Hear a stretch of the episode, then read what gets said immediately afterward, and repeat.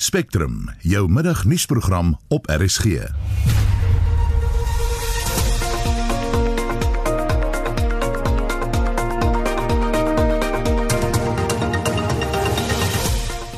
die program daar is opspraakwekkende nuwe verwikkelinge in 'n vermeende reeksmoordsaak aan die KwaZulu-Natalse suidkus.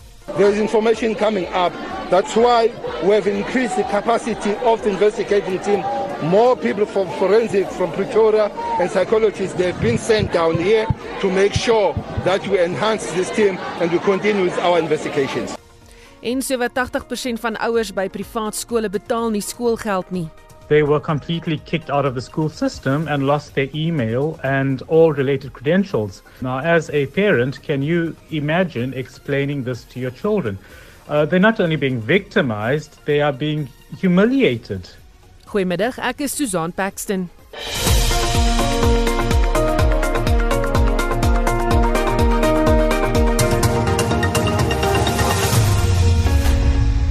Dis nou 9 minute oor 1. Welkom terug by Spectrum. Rampbestuursentrums reg oor die Wes-Kaap is op 'n gereedheid grondslag weens die onweer wat hierdie week vir die Wes-Kaap voorspel word. Die Suid-Afrikaanse Weerdiens voorspel sneeuneerslag oor die hoogliggende gebiede van die Kaapse Wynlande, Sentraal Karoo en die Tuinroete distrik. Vanmiddag hieroor praat ons met 'n weervoorspeller van die Suid-Afrikaanse Weerdiens, Wayne Venter. Goeiemôre Wayne. Goeiemôre, goeiemôre aan al die luisteraars. Hoe lyk die weer vir ons vandag en die res van die week? Oh ja, ons het 'n redelike sterk front wat vanmiddag rondom 2 in die in die Kaapstad omgewing gaan in beweeg en ons verwag ehm um, buitespeler reën in baie veral oor die suidwestelike dele van die Weskaap eh, teen vanmiddag en dit sal uitbrei langs die suidkus en die Klein Karoo as as ook die Weskus van die Weskaap teen vanaand. En ons verwag redelike goeie reënneerslae ehm um, vir die gedeelte van die Weskaap ehm um, vir vanaand en tot en met môreoggend. Hierdie stelsel word dan nou teen môreoggend oor die Suid-Kaap en die Oos-Kaap verwag en ons verwag baie goeie kans vir reënval langs die suidkus en die ander grensende binneland. So dit is dan nou langs die suidkus van die Wes-Kaap, die suidkus van die Oos-Kaap en dan tot en met die Klein Karoo area en die suidelike dele van die Oos-Kaap um, teen môreoggend. So ons het 'n 80% kans vir reën vir daai areas ehm um, vir môre en ehm um, daai reën sal dan ook dan voorlê teen Woensdag langs die suidkus en die suidooskus. Ehm um, met hierdie stelsel het ons ook 'n redelike sterk winde wat ons verwag.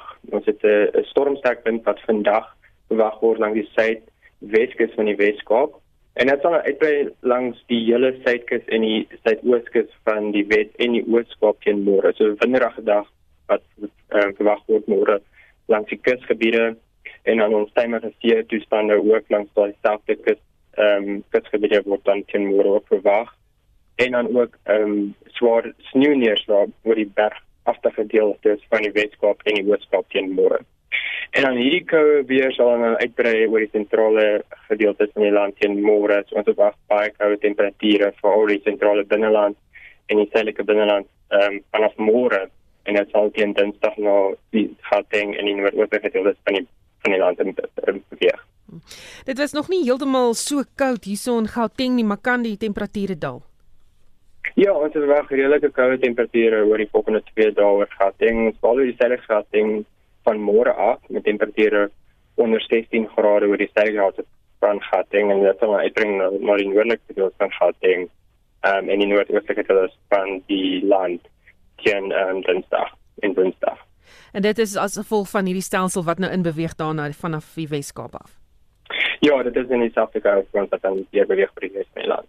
Hm, en wanneer klaar dit op klink vir my baie koud. Ja, dit was 'n paar koue dae wat voor lê oor die hele land. Ehm um, en dan sal dit teen Woensdag ehm um, en Donderdag begin opklaar vanuit die weste.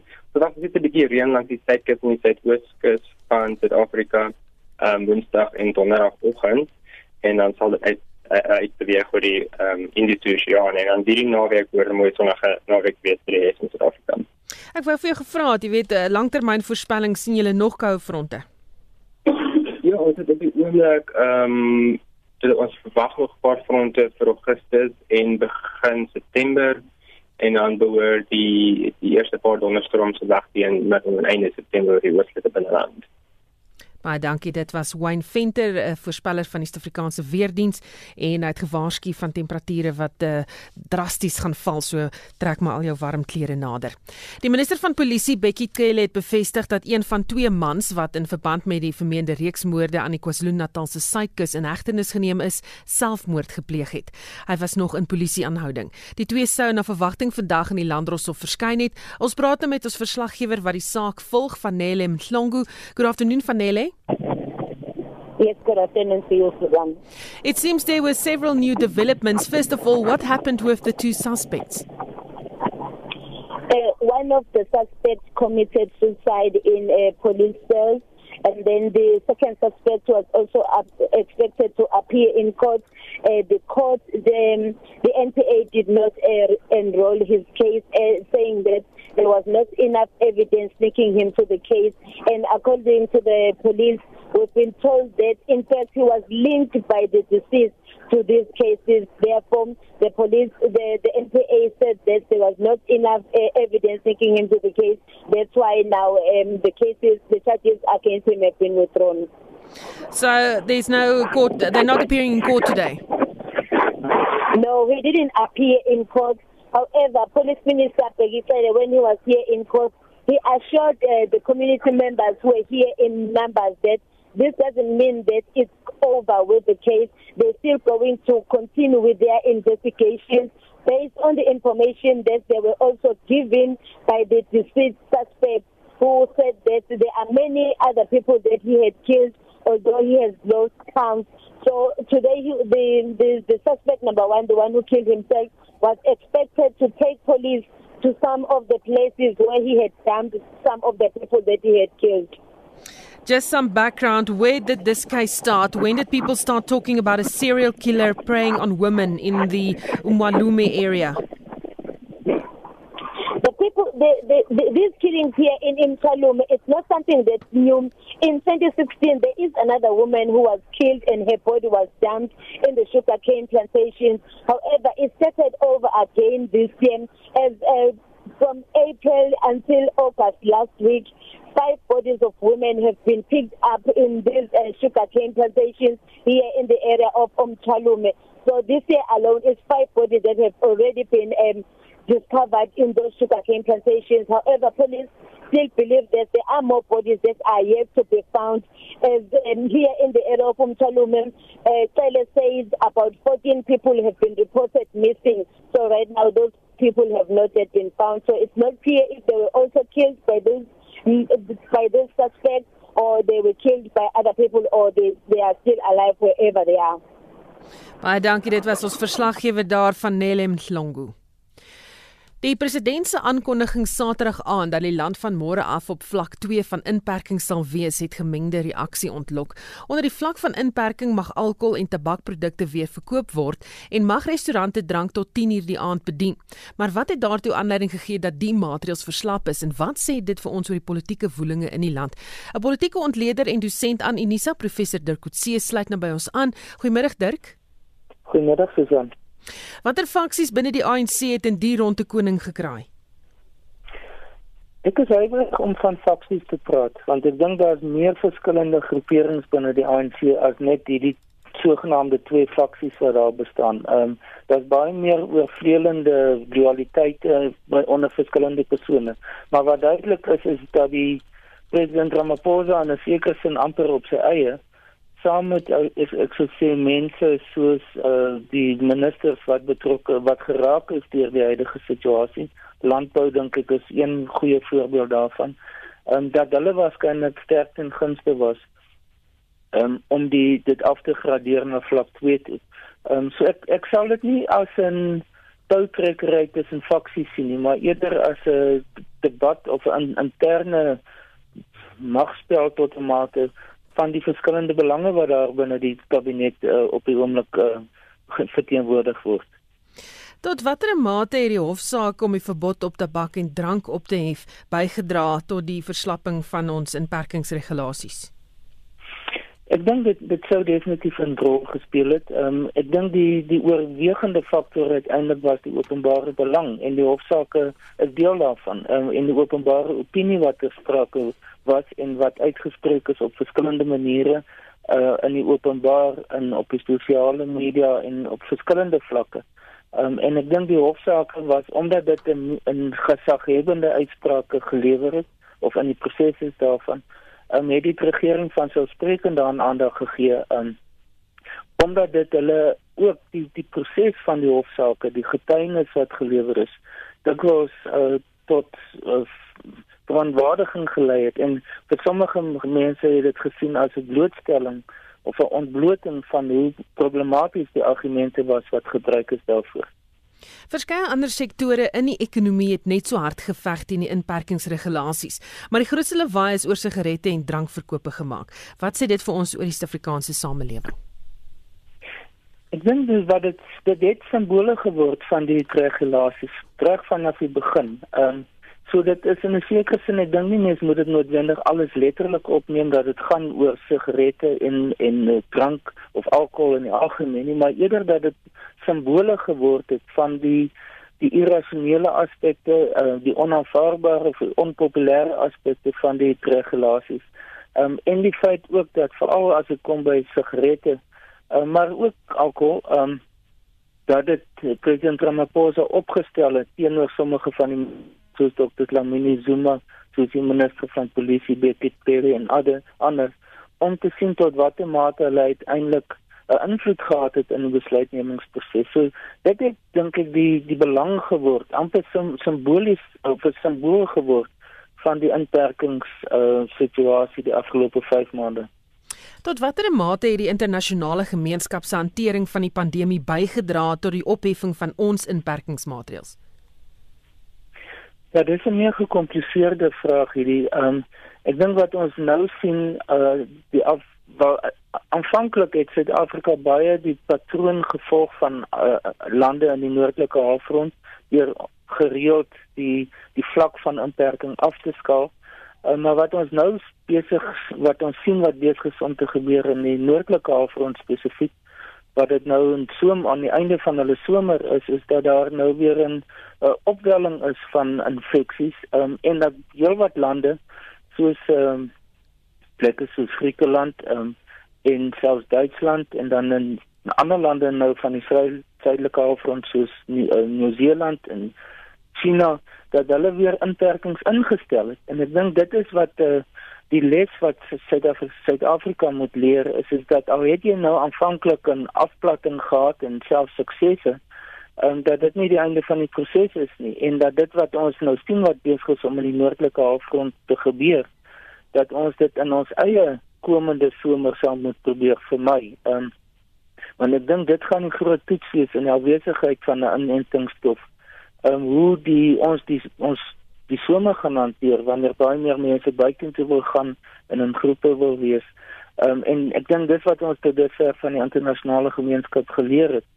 Wat ek dink wat ook belangrik is is hoe dit die internasionale toerisme en internasionale beweging of al internasionale vlugte hoe dit nog steeds 'n absolute 'n uh, faktor is wat uh, verhoed word dat dit oopgestel word um, en ek, die aankondigings nou hier eh president Ramaphosa as 'n lyn daarmee dat dit nog vir baie lang tyd gaan dit uitstaande wees want uh, ek dink wat almal verwag is dat daar uiteindelik 'n internasionale ekwilibrium gaan ontwikkel uh, waar alle lande naaste by dieselfde vlak sal wees. En terwyl Amerika byvoorbeeld op die oomblik nog glad glad nie binne beheer is nie um, is dit op sigself 'n faktor wat dit daardie besluit gaan uitstel Baie dankie. Dit was 'n politieke ontleder en dosent aan Unisa professor Dirk Coetzee. Nou, soos vroeër genoem, die opheffing van verskeie inperkingsmaatreëls van môre af lok gemengde reaksie uit. Die Wes-Kaapse regering het veral tydens die inperkingstyd sy misnoë uitgespreek oor die impak van die inperkingstyd op toerisme en die wynbedryf, maar Lenay Forsie het meer besonderhede. Kaapstad se burgemeesterskomitee lid vir ekonomiese geleenthede en batebestuur, James Vos, het in 'n stemnota aan die SAK gesê hulle is versigtig optimisties oor die verskuiwing na vlak 2 van inperking. Many senseless restrictions remain in place, including the ban on international travel and the curfew. The city has worked tirelessly to push national government to stem the job losses and save the tourism and related industries in our city. And we will continue to do so. Hy sê die impak van die inperkingstydperk op die gasvryheid en toerismebedryf kan nie ontken word nie. We've been hard at work on our strategy to bounce back and to salvage these vital sectors, as well as the jobs and families they support. The tourism bounce back strategy, developed together with Cape Town Tourism, can ensure that we breathe life back into the tourism industry and plot a sustainable and inclusive future for this vital and vibrant sector. Wimpro se bestuurder vir wynbesigheid, Christo Konradi, sê intussen hulle is opgewonde oor die vooruitsigte om weer te mag handel dryf. Natuurlik lê 'n baie baie lang herstelpad voor en op die huidige stadium sal dit sekerlik baie baie moeilik wees om dit wat ons verloor het net eenvoudig in te haal, maar is nou die tyd om positief te wees, om hande te vat en uh, die Suid-Afrikaanse wynbedryf is gereed om alle protokolle in plek te hou verantwoordelike bemarking promosie van stapel te stuur en seker te maak dat ons doen wat ons kan om die wynbedryf weer op die herstelpad te kry. Dit gaan nie maklik wees nie, maar uh, ons glo en ons is positief dat die wil daar is om dit wel te kan bereik. Die wynbedryf het egter 'n stewige vuishou weg met verliese van tot 7 miljard rand en werksverliese kan so hoog as uh, 20 500000 uh, mense wees en dis nie iets wat ons sommer net eenvoudig gaan inhaal nie dit is om die waarde te sê heel moontlik onmoontlik dit gaan nou daaroor om hoe hierdie krisis die bes moontlike te bestuur. En dis waarmee Windbrou en ander bedryfsvennote spesifiek nou mee besig is om te kyk na hoe ons 'n herstelplan in plek kan sit. Want ons sit met voorraadvlakke van amper 300 miljoen liter. Dit moet iewers heen gaan. Ons sit met mense wat werk verloor het. Ons sit van besighede wat op die rand van bankrotskap opereer en ons is nou midde die proses om te kyk hoe ons dit die beste na ons vermoë kan land en waar ons kan hande vat. Dit sluit in samesprekings op regeringsvlak asook finansiële ondersteuning en aksiesverligting. Dis iets waarna die Windbrood direksie spesifiek ook later die week sal kyk en ons hoop en ons glo ons sal moontlik by antwoorde uitkom, maar om werklik die skade totaal ongedaan te maak, dis onmoontlik om dit te versag. Dis wat ons gaan strewe en gaan probeer om reg te kry. Dit was Windbrood se bestuurder vir wynbesigheid, Christo Konradi. Ek's Marlene Forsie vir SAK nuus. Die heropening van die toerisme sektor kom net betyds vir sommige besighede. Spectrum het reeds vroeër berig oor die impak van die sluiting van die sektor op dorpe soos of eerder dorpe soos Sodwana in KwaZulu-Natal wat geheel en al afhanklik van toerisme is.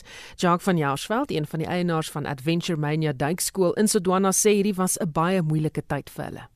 Ons ran 'n dive operation waar ons mense leer hoe om te duik en ook dan vat mense wat klaar gekwalifiseer is om dan nou hulle tyd onder die water te spandeer en kyk na al die awesome goedjies onder die water. Met ons besigheid is ons baie afhanklik. Ek meen ons myn income is toerisme op die einde. So ons is baie baie bly om te sê dat level 2 aangekondig was en dat toerisme nou weer kan oopmaak en mense kan weer begin duik en ons kom kom sien hier so in een van die uh top 10 duik sites in die wêreld. So baie bly daaroor. Ehm um, op die uiteinde ons is, jy weet, ons klein dorpie is maar afhanklik van dit. So alhoewel ons restaurante en ander besighede hierso het, hulle kon ook nie oopmaak nie as gevolg van kliënte wat nie hiernatoe mag gekom het nie. So op die uiteinde met die hele provinsies waar jy nou mag kan oorgaan na 'n ander provinsie toe is baie baie cool. Die mense kan nou kom weer kom kuier. Ehm um, hoe lank gaan dit ons vat om weer op ons voete te kom?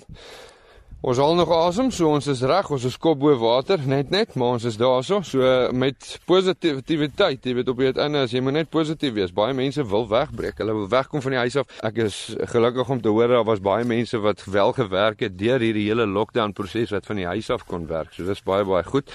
Ehm um, en dis almal van hulle wat op die einde graag by die huis wil wegbreek en net uh, jy weet alhoewel hulle nie by die werk was nie, hulle het nog steeds gewerk en ons wag vir hulle om om te kom. Die ander ouetjies wat so 'n bietjie van 'n heat gevat het, ja, ons almal is in dieselfde boot. Jy weet, so op die uiteinde, dit gaan party mense net bietjie langer vat om op die uiteinde weer dit moontlik te maak om hiernatoe te kom. Maar weet julle, ons wag vir julle. Ons is almal positief en ons kan nie wag om julle weer hierso in een van die gunsteling dive destinations te sien nie. Mooi bly en sterkte en positive mindsets.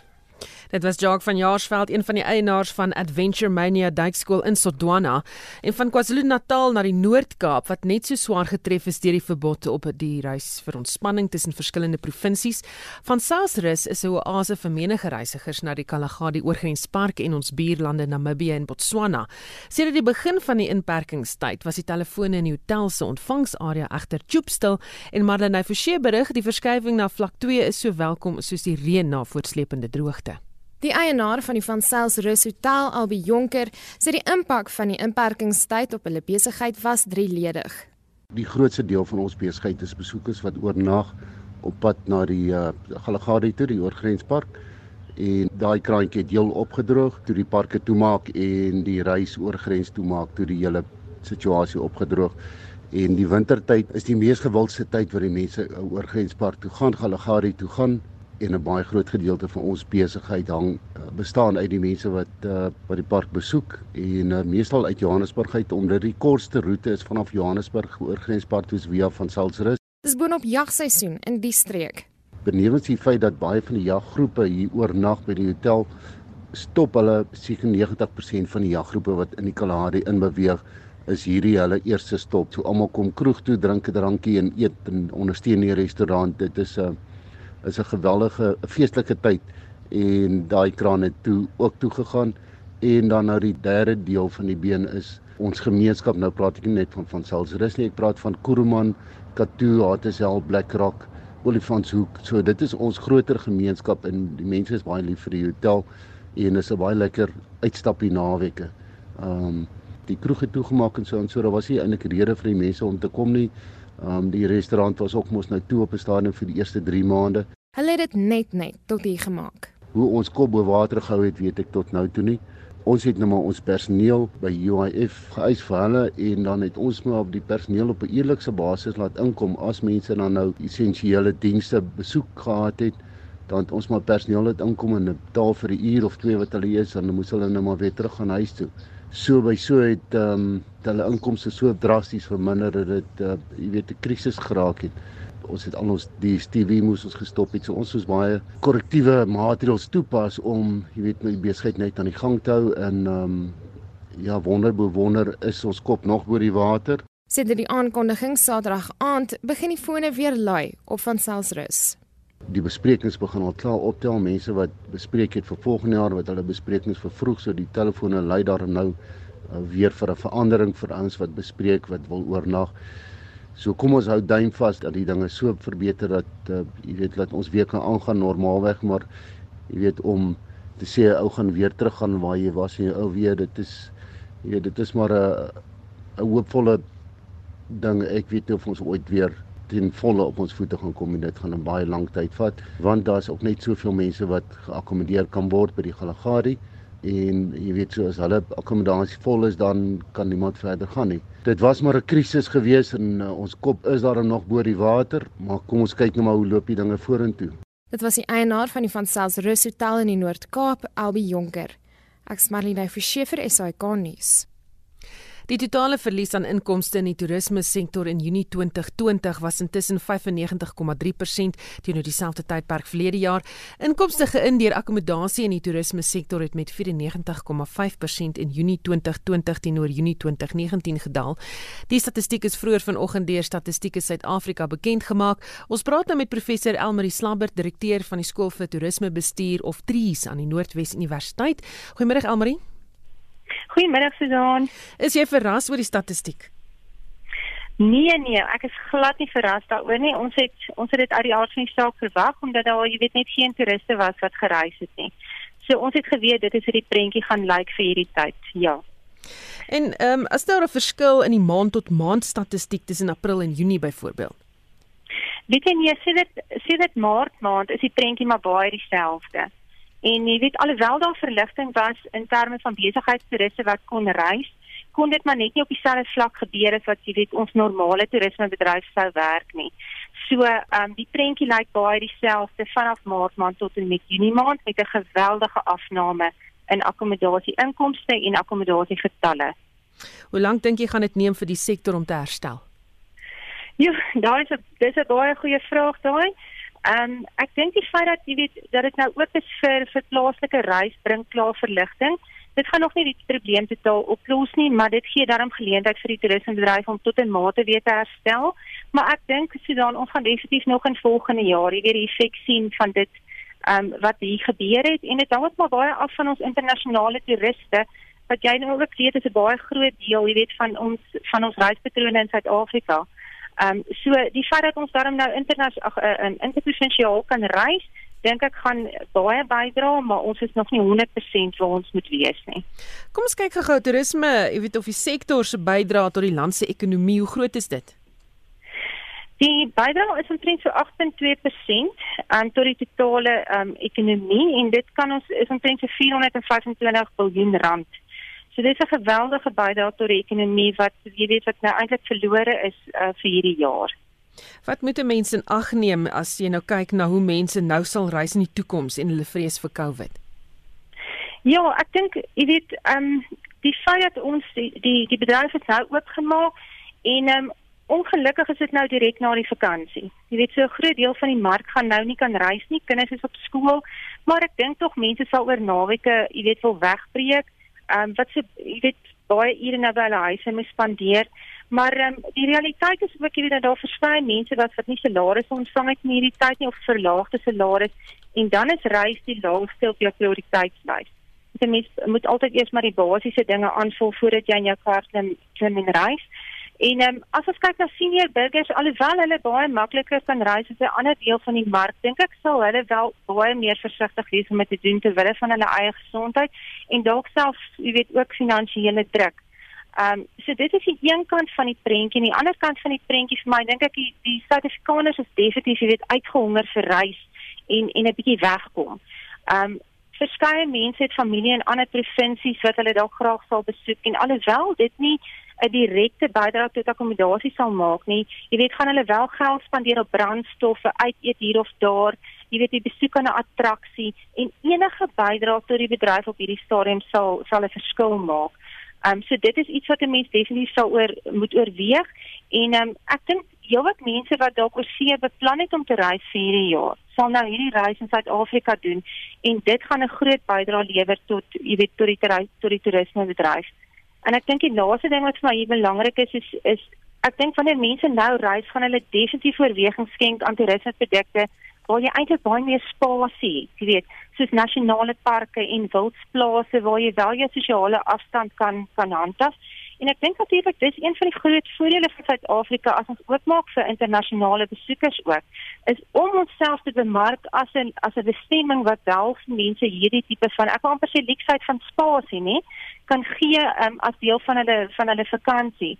So hoe ons Suid-Afrika vanjaar bemark, dink ek het ook 'n baie baie groot invloed op op hoe vinnig ons gaan herstel in die toerismebedryf. Baie dankie. Dit was professor Elmarie Slabber, direkteur van die skool van toerismebestuur of TRIES aan die Noordwes Universiteit. Jy luister na Spectrum elke weekmiddag tussen 1 en 2. In die nuus, die minister van polisie, Bekkie Cele, het bevestig dat een van die twee mans wat in hegtenis geneem is in verband met die moord op minstens 5 vroue in Mpumlumi aan die suidkus van KwaZulu-Natal in polisieaanhouding selfmoord gepleeg het. Volgens berigte is die tweede verdagte in die hospitaal nadat hy beserings opgedoen het. Vroeger het chaos by die Landdroshof op Mzumbi uitgebreek waar die twee mans se verskynheid toe betogers van die jongse verwikkelinge ingelig is.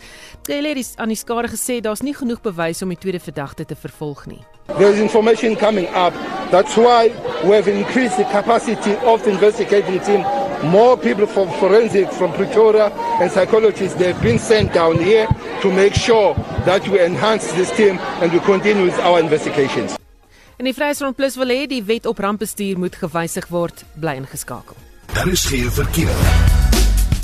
In Kaapstad staan 'n voertuig op die R300 Noord net na die Ou Parelweg in die linkerbaan. In Johannesburg staan 'n voertuig op die N12 Wes net voor die Gululies wisselaar in die linkerbaan en in KwaZulu-Natal staan 'n voertuig op die N2 Suid net na die Solomon Mhlangu Rylaan um, afrit en uh, dit maak ook dat die verkeer druk is in daardie gebied. Dis jou verkeersnuus. Die Vryheidsfront Plus sê hy is besig om 'n privaat lede wetsontwerp voor te berei om die wet op rampbestuur te wysig. Dit is nou 'n reaksie op die bepaling in die wet dat die minister van samewerkende regering die ramptoestand van maand tot maand kan verleng. En ons praat met die leier van die Vryheidsfront Plus, Dr Pieter Groenewald. Goeiemôre Pieter. Goeiemôre Susan. Sê net vir ons eers watter probleem ervaar julle met die rampbestuurswet? Wel die kern van die probleem is daarin geleë dat die regulasies wat uitgevaardig word in terme van die rampbestuurswet is daar basies geen parlementêre oorsig nie. Die parlement word glad nie geken in daardie regulasies nie. Dit is basies die minister wat dit uitvaardig en ja, ons weet daar is nou die sogenaamde bevelsraad en ons weet ook nie altyd uh, is dit nou die bevelsraad nie. Deesdae hoor ons is die kabinet. Daar's onsekerheid daaromtrent. Maar die kern gaan daaroor dat ons sê dat as jy gaan kyk dat sou daar 'n krisissituasie in Suid-Afrika ontstaan, soos met die COVID-19, dan is daar twee stukke wetgewing. En jy kry die noodtoestandwet en jy kry die rampbestuurswet. Nou interessant genoeg is die regering het besluit om die nasionale rampbestuurswet te gebruik. En as ons gaan kyk na die grondwet artikel 37 dan verwys na 'n staat of 'n noodtoestand waarin die land verkeer. En die omstandighede is basies dieselfde. As ons teruggaan na ons uh, Grendelstaat en die inperking veral in die begin is die uitgangspunt van die Vryheidsfront Plus dat dit dit soortgelyk aan 'n noodtoestand. En dan het bepaal die grondwet. Kan die president dit net vir 21 dae afkondig? Daarna moet hy toestemming kry van die nasionale vergadering om dit vir 3 maande te verleng en die wet op nasionale noodtoestand bepaal alle regulasies moet voorgelê word aan die parlement vir goedkeuring. En sou dit 'n verdere 3 maande verleng word, dan het die parlement nie net 'n 50% meerderheid nodig nie, maar 'n 60%. Met ander woorde, ons het nou gesien die uh, ramptoestand is nou verleng tot die 15de September as ons in 'n noodtoestand was, dan sou die parlement dit nou moes goedgekeur het met 'n 60% meerderheid. Maar die minister, volgens die rampbestuur, wet kan dit net op 'n maand tot maand basis doen solank as wat sy dit goed dink. En dis waar die kern van die probleem is. Ons sê dat dit is 'n geweldige leemte in die rampbestuurswet want die oomblik as jy so 'n krisissituasie het wat die hele land raak soos wat ons tans beleef het dan moet dit onder dieselfde toesig onderwerp word soos in die geval van 'n noodtoestand. En daarom is my privaat lid wetsontwerp die voorstel daarin in die wysigings wat ek voorstel is dat die oomblik as jy na 'n nasionale rampbestuurstoestand toe gaan of 'n ramp verklaar, dan moet daardie meganismes deel wees daarvan. Dit beteken die minister moet al die regulasies voorlê aan die parlement vir goedkeuring en die tydperke moet in ooreenstemming wees soos die in die geval van 'n noodtoestand. Die wysiging wat jy voorstel, wat sal dit dan behels? Wat dit gaan gaan behels is 'n wysiging spesifiek dan van artikel 27 van die rampbestuurswet want dit is die bepaalde artikel op hierdie stadium wat die minister magtiging gee om byvoorbeeld die ramptoestand vir 3 maande te verklaar en daarna vir 'n maand tot maand basis. So ons sal dit wysig of ons wil dit wysig om dan voorsiening te maak om te sê dat sy kan 'n nasionale ramp uh afkondig vir 21 dae.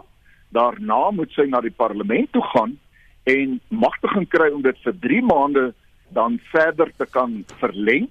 En as sy dit 'n tweede keer wil doen, dan moet sy 'n 60% meerderheid in die parlement kry Maar die ander belangrike aspek is dat al die regulasies moet dan voorgelê word vir goedkeuring in die parlement. Ons sien mos nou die regulasies wat afgekondig is, drakoniese regulasies, uh irrasionele bepalinge. Uh en uh dit is juis om dit te voorkom dat dit nie 'n magsentrum word waar die minister en die uitvoerende gesag besluit wat gebeur met die mense van Suid-Afrika nie. Ons is 'n grondwetlike demokrasie.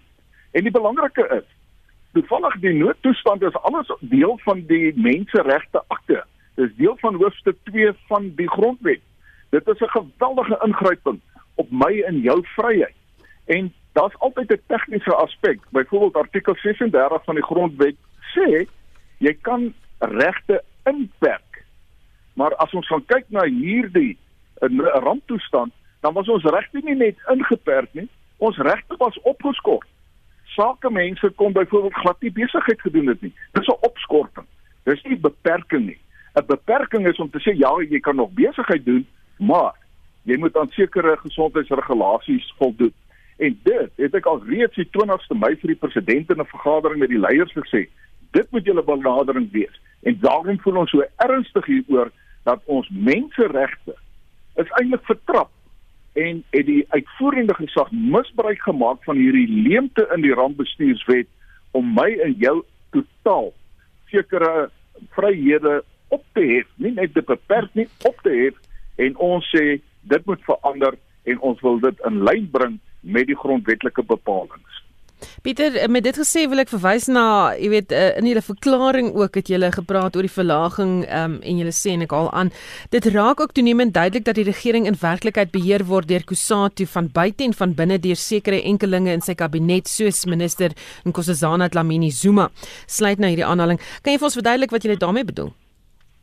Wat ons daarmee bedoel is, daar is al hoe lank uh oproepe om te sê dat byvoorbeeld die verbod op sigarette en drank moet opgehef word. Hulle het eenvoudig nie daaraan gesteer nie. Dit was 'n irrasionele besluit. Ongeveer 'n week gelede, toe het Kusatu na vore getree en gesê dat hierdie verbod moet opgehef word. Wat is die rede hoekom hulle dit sê? Wat hulle nie openbaar sê nie, maar die rede hoekom hulle dit sê is hulle sê daar's te veel werksverliese. Maar dit beteken, onthou Kusatu se lede is mense wat 'n werk het. Kusatu het geweldige kansellasies gehad van lede dan na die vakbonde toe. En omdat hulle eenvoudig werkloos geraak het en omdat dit die vakbonde begin raak het, het hulle nou gesê maar dit moet opgehef word. En nou word daar toegegee daaraan. En dis hoekom ons sê dit nou eintlik my geval van die stert wat die hond swaai, want die oomblik toe Kusatu dit sê, die vakbonde En ek het 'n geweldige probleem met die magte van die vakbonde in Suid-Afrika. Hulle vernietig die ekonomie in Suid-Afrika. As hulle praat, dan luister die Cyril Ramaphosa en sy kabinet. En ja, ons weet daar's verskillende faksies, maar ek sê dat president Ramaphosa het nie 'n keuse gehad nie. Daar's so geweldig druk op die uitvoerende gesag deur spesifiek Kusatu aan die een kant nou, maar eintlik al die hofsaake. Daar is verskeie hofsaake steeds aan die gang is en die regering ek sê nou net vir die hofsaak van die Vryheidsfront Plus ons wag nou want die hof het ons uh, gelyk gegee die regering moet al die bewyse lewer van die redes hoekom hulle hierdie regulasies uitgevaardig het. So hulle word nou tot verantwoording geroep deur die howe en hulle het geen keuse gehad nie. Hulle toegegee aan die druk en daarom is ons nou op vlak 2 Baie dankie. Dit was die leier van die Vryheidsfront Plus, Dr Pieter Groenewald. Hier is nou tyd vir sportnuus en ons uh, praat met Shaun Jooste.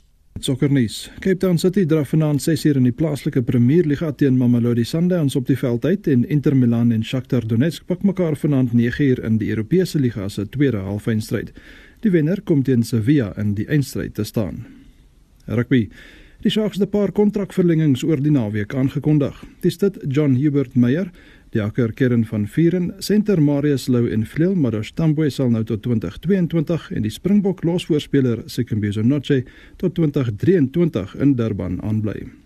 Die Nieu-Seelandse rugbyunie het aangekondig dat nog 'n Outauro reeks in 2021 moontlik is. Nieu-Seeland het 'n aantal nuwe koronavirusgevalle die laaste week gehad en gister se laaste kragmeting tussen die Blues en Crusaders moes gekanselleer word. Tennis. Belinda Bencic van Switserland het die jongste vroue speler geword om uit die Amerikaanse Ope wat oor 2 weke in New York afslaan te onttrek. Bencic het die halfeindstryde jaar gelede gehaal en dit beteken dat slegs een van die semifinaliste in 2019, die plaaslike Serena Williams, nou vir die Ope bevestig is. En laastens in fietsrynuus. Vandag se tweede skof van die Tour van Wallonië in België is 180 km lank. Die Aussie Caleb Ewan is die algehele voorloper met Sam Bennett van Ierland tweede en Suid-Afrika se Ryan Gibbons is 13de. Dit was Shaun Jooste met RSG Sport.